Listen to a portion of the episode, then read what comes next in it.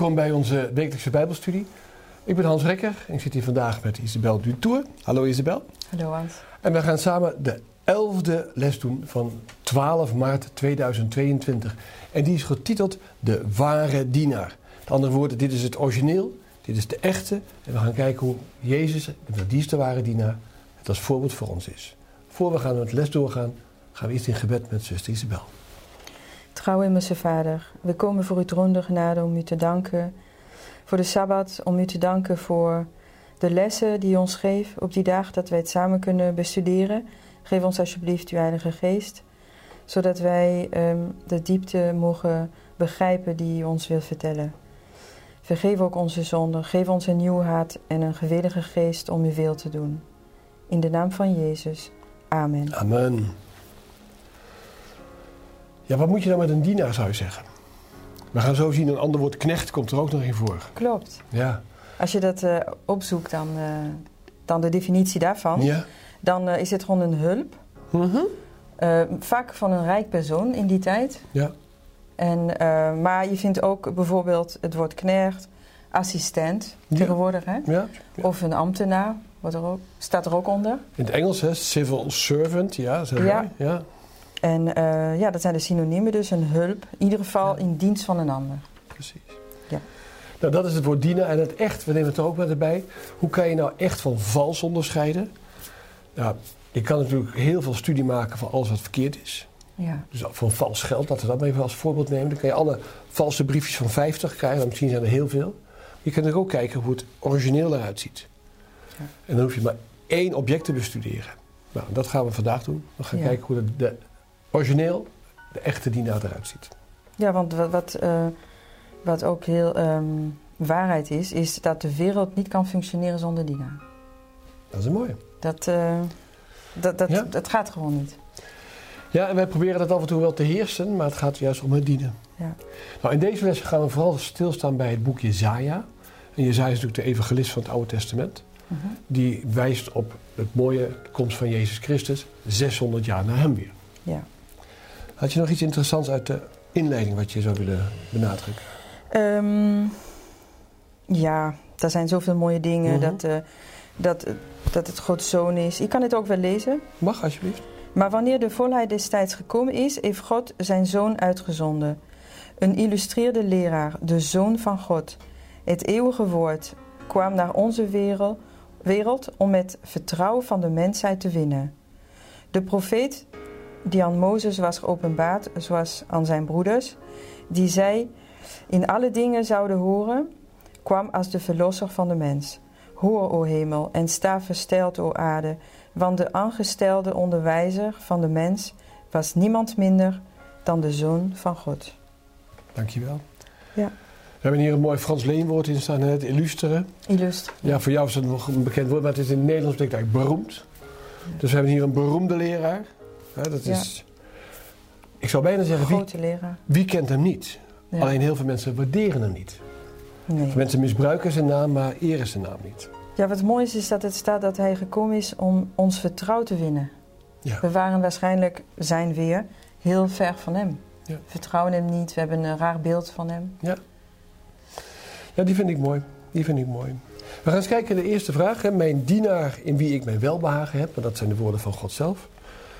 Dus gaat in de eerste vraag. Hoeveel verzen van de schrift, hoewel verzen van de schrift hem vorst en koning noemen. Hè, wat kenmerkt Gods zoon nou eigenlijk in het bijzonder? Ja, als je goed ehm, zeg maar zijn leven bestudeert, dan ehm, dat is mooi te lezen in, de, in zijn biografie in de, de Wense Eeuw. Ja? Eh, dan zie je heel veel kenmerken. Maar wat echt heel typerend was aan hem, is dat hij nederig was. Mhm. En hij was trouw en gehoorzaam. Ja. Ja, Ja, en het is- eh, uiteindelijk is dat een van de mooiste eigenschappen. Nederig, trouw en gehoorzaam. Dus dat, is, dat zijn ja. mooie, warme kernwaardes die als voorbeeld voor ons zijn. Ja, meestal wordt iemand die een knecht is, hè, want dat, hebben, dat woord hebben we net al genoemd bij de inleiding, Ja. is dat minder waardig gezien. ja, Hij is een knecht. Hè? ja. Dat is heel belangrijk, maar wij zien hem zo. Ja, Ja. Ja. En interessant is dan in dit geval om te bekijken van hoe wij naar hem kijken en hoe wij naar onszelf kijken. Ja. Dan willen wij ook een knecht zijn, een dienstknecht. Mhm. En dan van wie? Wil ik jouw dienstknecht zijn? Wil jij mijn dienstknecht zijn? En dan zeg je, ja, maar Van God willen we het wel, maar niet van mensen. Ja, En dan zie je waarom dat- moet ik dat zijn? En dan zie je dat God, Ja, als Jezus, de, de, de zoon van God, als dienstknecht van ons kwam. Mhm. En dan, dan denk ik, ja, wat, wat, is het, wat houdt ons dan tegen om ook elkaar te dienen? ja, Er staat in Jezaja 42 een paar eigenschappen wat hij vooral niet zal doen. Hè? Eh, er staat heel mooi. Hij zal niet schreeuwen. nee, Hij zal zijn stem niet verheffen. Moet u daarover nadenken, vooral als, als mensen dus op het krijzen te schreeuwen en zeggen: Oké, dit hier zit niks godsdienstigs in. Want Jezus zal het niet doen. Hij zal zijn stem op straat niet laten horen, met andere woorden, niet met grote luidsprekers, protest, protesteren Mhm. op de hoeken van de straat. En dan wat zal hij wel doen? Ik, het geknakte riet, dus het kwetsbare, daar zal hij voorzichtig mee zijn, want hij zal het niet nog een keer extra breken. En als iets uitgeblust is, dus de mensen een burn-out hebben gehad in de tegenwoordige tijd, ja. die zal die juist opwekken. Of die heel erg eh, ja, beschadigd zijn in de opvoeding of, of in de jeugd. Of Ja. de genen die wij dan mee doorgeven. Ja, of gewoon misbruikt zijn, op wat voor manier ook. Ja. Ja, dat, eh, ja, het mooie daarvan is, is eh, dat het ook een voorbeeld voor ons is. Maar Jezus was niet alleen maar een dienstknecht. Hij was ook een vorst. Ja. Ja. En het, wij zijn ook Gods kinderen. Dus wij moeten eigenlijk ook de beide zijn. Ja. We zijn Gods kinderen, dat moeten we niet vergeten. En wij zijn, zijn eh, ook een dienaar, zoals hij dat was. Ja. En het mooie van eh vorst, als je dat uitzoekt, dan eh, is een herser, hè? Ja? monarch. Ja. En ehm, de term staat van het middel-Nederlandse taal. Ja. En toen werd het vorst en dat betekent eerste. Ja, in het Engels is dat weer first. Ja, En dat is wel boeiend. Dat is nou, ja. de eerste. Ja. Nou, als we zo naar onze koning kijken, dat is de Ja. eerstgeborene altijd. Hè? dat is dat ook. wonderbaarlijk, toch? Hij was allebei. Ja, als je nog naar de opmerking kijkt van deze vraag, dan zie je vooral dat Jezus een voorbeeld is voor onze ouders, maar ook vooral voor de jongeren. Ja. En er staat in dit stuk heel mooi: ehm, iedere jongere die het voorbeeld van Christus van trouw en gehoorzaamheid thuis volgt, kan aanspraak maken op de woorden door de Vader gesproken. En dat is dus mooi om te weten, en ook voor ouderen, als mensen getrouwd zijn, dat ze denken: ja, mijn vrouw doet alles wel, of de vrouw denkt: mijn man doet alles wel. Nee, het gaat om of je het samen weer dingen wil doen, omdat je van elkaar houdt, ben je graag dienstbaar aan de ander. En als jongeren dat ook leren in huis, Ja, dan zullen ze dat ook de rest van hun leven meenemen. Probeert u maar eens eh, bij een goede bekende, als je de veters los ziet, dat je zegt: Ik zal je veters even vastmaken. De meeste mensen zeggen: Nee, nee, nee, nee, nee. Terwijl het eigenlijk gewoon heel vriendelijk van je is. En je zegt. Ik ga door de knieën en ik maak even iemand zijn veters vast. Maar dat is bijna not done. Dat is bijna oneerbaar, zou je bijna zeggen. ja, En het is gewoon een dienstwerkje. ja. We gaan naar de tweede vraag. Zou hij uitdoven, in dit geval Jezus, of geknakt worden bij het uitvoeren van zijn goddelijke dienst? Nee, absoluut niet. Dat, ehm, dat heeft Jezus niet gedaan. Dat Nee. zit ook niet in zijn natuur om dat te doen. Zoals wij ook eerder gelezen hebben, dat hij, hij breekt gewoon dat wat. Hij gaat juist opbouwen wat Ja. geknakt is. Ja. Hij zal niet uitdoven, hij zal niet geknakt worden. Totdat hij het recht op aarde zal hebben gevestigd. Precies. Staat het in Jezaja? Ja. Hier komt ook een hele andere dimensie bij, een ander soort volk. Het gaat over heidenen, hè, het tweede deel van die vraag. In Jezaja staat er kustlanden. En de kustlanden waren dus de landen rond de Middellandse Zee. Mhm. Dus het waren niet de Joden. Nee. En wat ik er mooi aan vind, is dat die voor die heidenen... dat die zullen uitzien naar het onderricht van Jezus. Ja, En als je dan over nadenkt, en dan, wij hebben over gesproken ook... Hè, dan zie je dus dat God een soort in ons DNA... dus in ons erfelijksmateriaal... Mhm. een soort godsbesef heeft gelegd. ja, Of je nou, en we hebben het tegenwoordig niet meer, want door internet is de hele wereld wel langzamerhand bekend met Jezus. Maar vroeger kwamen ze op ontdekkingsreis, kwamen ze heidenen echt tegen, die echt niks, maar die hadden toch een of ander godsbesef. En als ze dan het verhaal van Jezus hebben ze het omarmd. Niet voor niks waren ze succesvol in hun verblijf. ja, Dus dat is zo mooi. En wat zie je hier? De heidenen hebben, zullen uitzien naar het onderricht van Jezus. Nou, een licht is hier voor die volken ook. ja. En daar ben ik blij om, want wij zijn geen Jood, allebei niet. Nee, we zijn eiden. Wij zijn heiden, precies. Ja. Ja. Ja, wat ook zo frappant was in de opmerking, eh Ja? vond ik, is dat Satan, eh, ja, dat klinkt een beetje vreemd, maar hij koopt onze liefde. Ja, ja. De liefde voor Satan, hij koopt ons, zeg Ja. maar. Er staat er dan zo midden in de opmerking. eh, we zouden moeten werken zoals Jezus deed. Weggaan van onze eigen plezier. Ons afkeren van Satans omkoperij. Ja. Gemaakt verachten en egoïstisch verafschuwen, verafschuwen, opdat wij hetgeen verloren is kunnen zoeken en redden. Dus hier staat het duidelijk, Satan koopt ons af. En dan is het belangrijk om te weten van, ja, wat, eh, hoe koopt hij mij af? Wat ben ik gevoelig voor en eh, ben ik daar bewust van om er tegen te kunnen vechten? Ja. Dan, hè? Ja, iedereen heeft zijn zwakheden. Dat, dat, dat kan eh, gewoon plezier zijn. Mhm. Hè? En dat pleziertje kost ook geld. Ja, het kan macht zijn.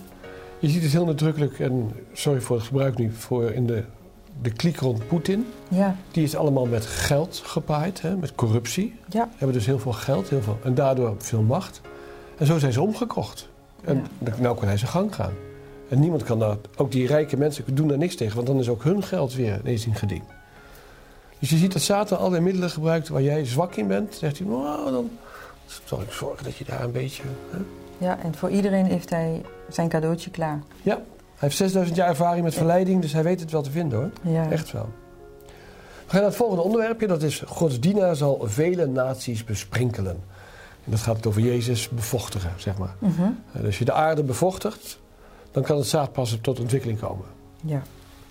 Wie dient nou bij de christen het middelpunt van aandacht te zijn? Dat is een beetje open deur, maar ik stel hem toch.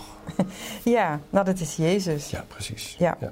Eh, Jezus is heel belangrijk in, Ja. het, eh, in het leven van de christen. Ja. Hij is ook hier gekomen om eh, zijn vader te openbaren. Ja.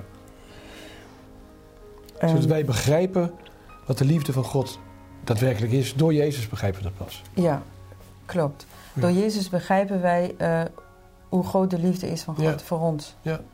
Dan is het niet meer een, een, een God wat heel ver weg is en die eh, af en toe de straf op, op de aarde laat komen, de zondvloed en dit. Maar, dat, maar je ziet gewoon hoe, hoe de groot zijn liefde is voor ons. Ja, nu ga je de, de verdere vraag, gaan we dat we de liefde van God echt zien. Want het gaat over hoe kwetsbaar Jezus was aan het einde van zijn leven. Ja, Het gaat bij de kruisiging, hebben we het hier over, vlak voor de kruisiging. En Jezaja zegt dan, zo geschonden was zijn gezicht, meer dan van iemand anders. En gestalte, meer dan van andere mensenkinderen. En dan ging het niet over dat hij klap had gekregen. nee. Of hij was wel gegezeld, er was in zijn gezicht geslagen. Maar er waren, waren mensen wel meer gemarteld en meer geslagen. Ja. Maar het ging om het lijden wat hij had. ja, het lijden van de zonde van de wereld die hij ja. gedragen. Ja. Het begint eigenlijk al eh, in het hoofdstuk dat hij eh, in Gethsemane was. Ja. Dat de discipelen zo angstig waren omdat dat hij er zo uitzag. Dat het zo eh, ja, niet meer menselijk was hoe hij eruit zag. Ja. Zo zwaar heeft hij het gehad. Precies. Door het dragen van onze zonde. Nu was het met het Pascha. Tegen, tegenwoordig noemen we dat Pasen. En dat betekent dus dat heel veel mensen waren gekomen.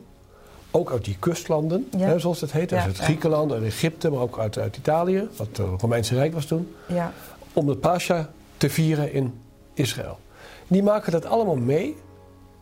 Wat er gebeurt op die paasvrijdag. En op die kruisiging. En ze horen op de zondag van de opstanding. Wel- Welk verhaal nemen ze nou mee? Ja ze nemen, wat je eerder zei in elke mens, hoe, hoe je dat had Ja. eh, toen net verteld, dat eh, er is een behoefte om iets meer te weten. En uit al deze eigen landen kwamen ze daar.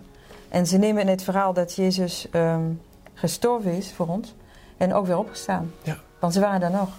En zo zie je de profetie vervuld. Alzo zal die vele heidenen besprengen. Ja, zie je in vervulling gaan. En dat is het mooie van dit, dit verhaal. Dus het, het ontroerende vind ik van Jezus' verhaal is...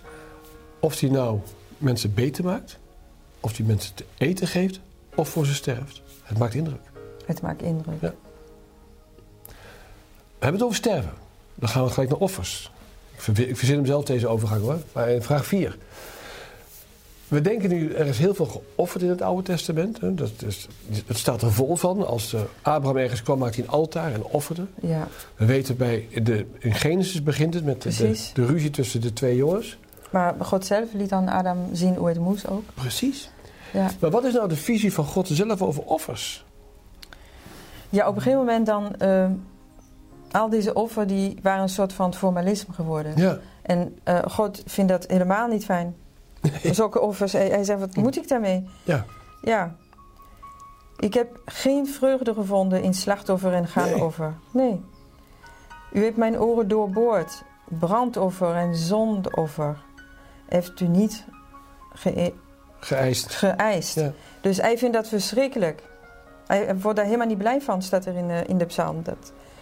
Maar Het er staat er ook geschreven wat hij wel mooi Precies, vindt. hè? het lijkt zo tegenstrijdig. Ja, wat hij wel goed vindt. Precies, want het gaat uiteindelijk, het is allemaal een voorafschaduwing van het sterven van Jezus. En daarom, toen Jezus gestorven aan het kruis was, was die hele offerdienst ook gelijk weg. Ja.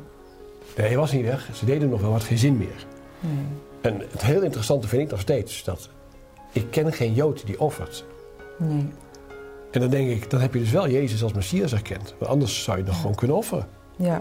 Maar goed, die discussie gaan we nou niet aan. Wat vindt hij dan wel een fijn offer?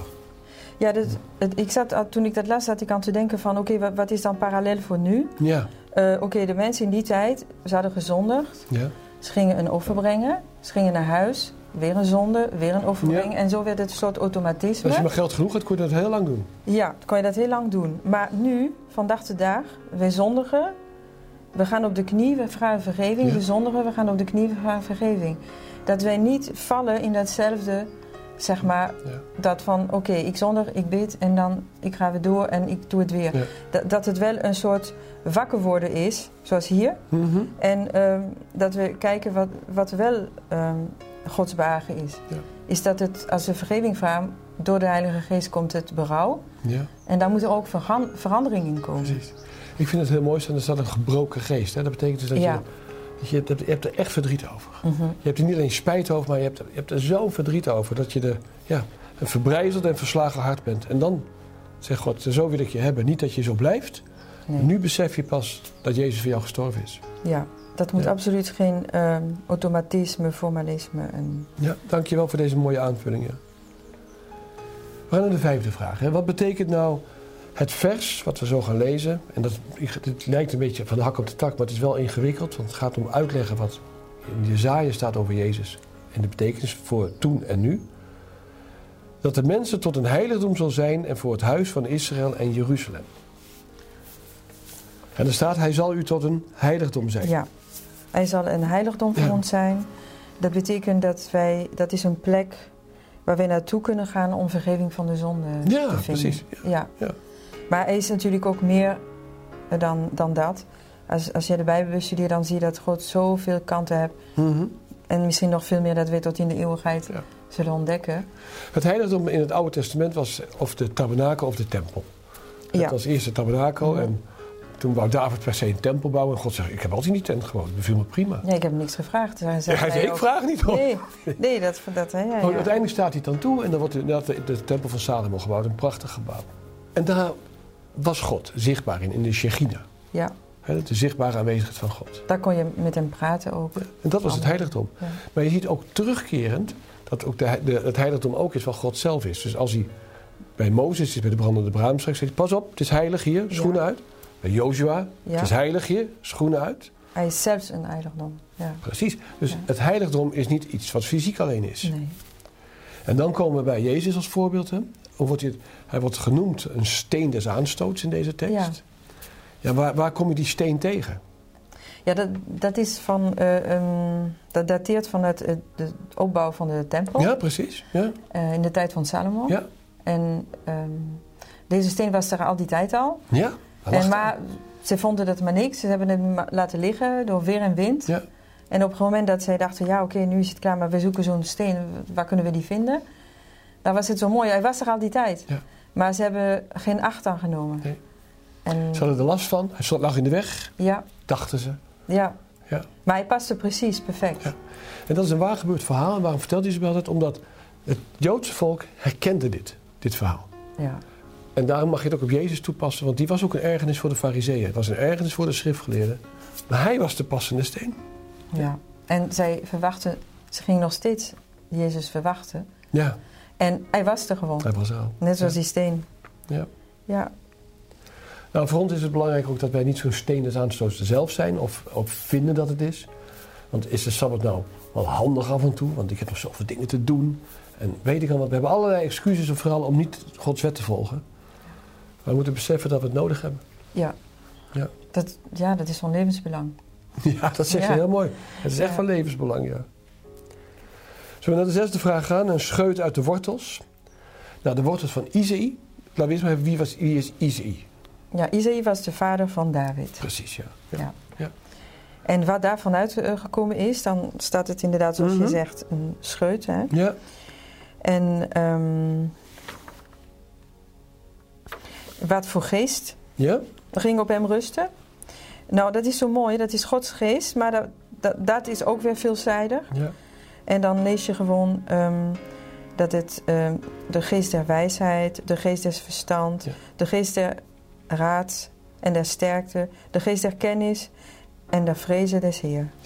Dankjewel. Dat, dat is allemaal in Gods geest. Precies, het zijn die, het, hier worden zeven elementen genoemd. Als we Mhm. gelaten vijf doen, zien we er negen zelfs. Mhm. De vruchten des geestes zijn Ja. het dan. Eh, maar dat is een andere studie. We zien dat er heel veel facetten aan, aan Gods geest zitten. Dus je kan ook niet zeggen, ja, de geest van God moet zich zo manifesteren. Nee. Gods geest manifesteert zich op verschillende manieren. Ja, In, in een grote scala van kleuren en in uitingen. dat is heel complex. Dat is Ja, dat is uiterst complex, precies. Ja. ja.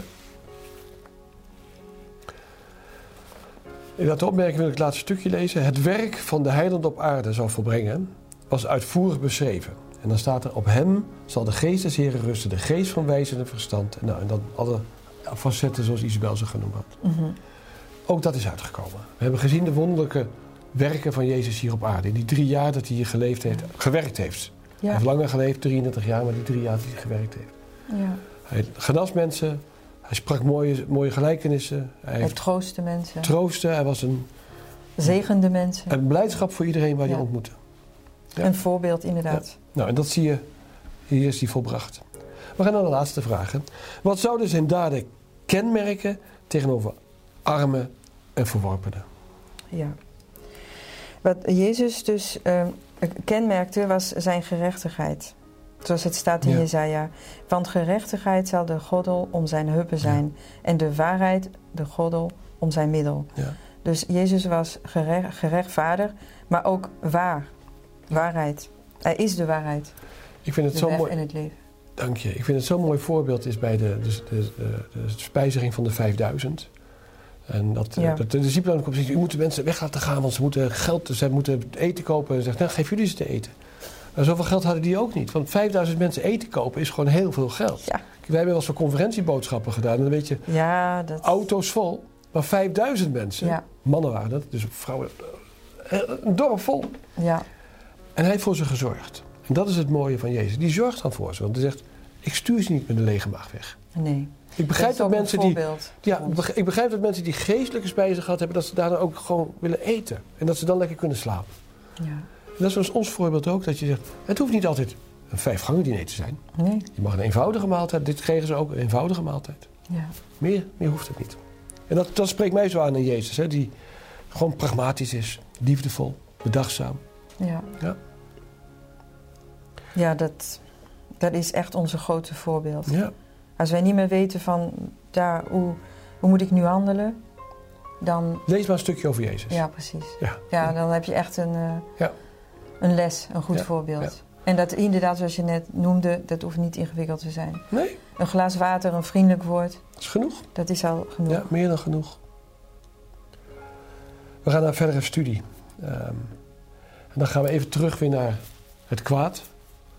Ja. In de verdere studie staat het was Satan zetel, de mens was in de macht van de grote afvallige. En dan boeit het mij zo, in mijn woorden even wat hier staat. eh, dat de engelen denken, Ja. Doe er wat aan. Ja. Het staat in mijn woorden, hè, dus maar hoe dat gaat weten. Maar ze keek echt van, denk ik, God kan het toch, bam, die kan Ja. het allemaal zo. Dit, dit is hopeloos, dit is verloren. ja. Vernietig het maar. Zoals het nu wel eens eh, een voorbeeld genoemd wordt van, eh, ja, als er, een knopje bestond dat die persoon, dan drukken we misschien Delete. heel vaak op de Op de knop. delete-knop, ja. Ja. precies. Ja, maar nee, Jezus heeft ons niet opgegeven. Nee, precies. Dus, het, Nee. dus eh, schepselen uit de hemel die zuivere gedachten hebben. Het was geen zonde wat ze dachten. Nee. Die dachten echt van, los het op, maar delete ze maar. Ja, Maar de Zoon van God staat er kwam om een reformatie te bewerken. En dat, en dat zijn, mogen wij van meegenieten. ja, En dat is het mooie, vind ik, van, van, de- van deze les iedere keer. Dus Jezus is niet voor de wereld gekomen, hij is voor jou en mij gekomen. ja, Hij is voor jullie allemaal gekomen die kijkt. eh, om ons te redden. En daarom is hij dienstknecht geworden op deze aarde. Dus als ik deze les wil samenvatten, dan zie ik dat hij daadwerkelijk de dienstknecht is die we nodig hebben. Ja. En dat ons grote voorbeeld is. Dat we mogen dienen in het werk van de Heer. Dat we de boodschap mogen brengen dat Jezus voor ons gestorven is. Dat we daardoor gered kunnen worden voor de eeuwigheid. Wat is er niks moois? Dus omarm deze boodschap. Omarm Jezus met als redder. En u zult verlost worden voor de eeuwigheid.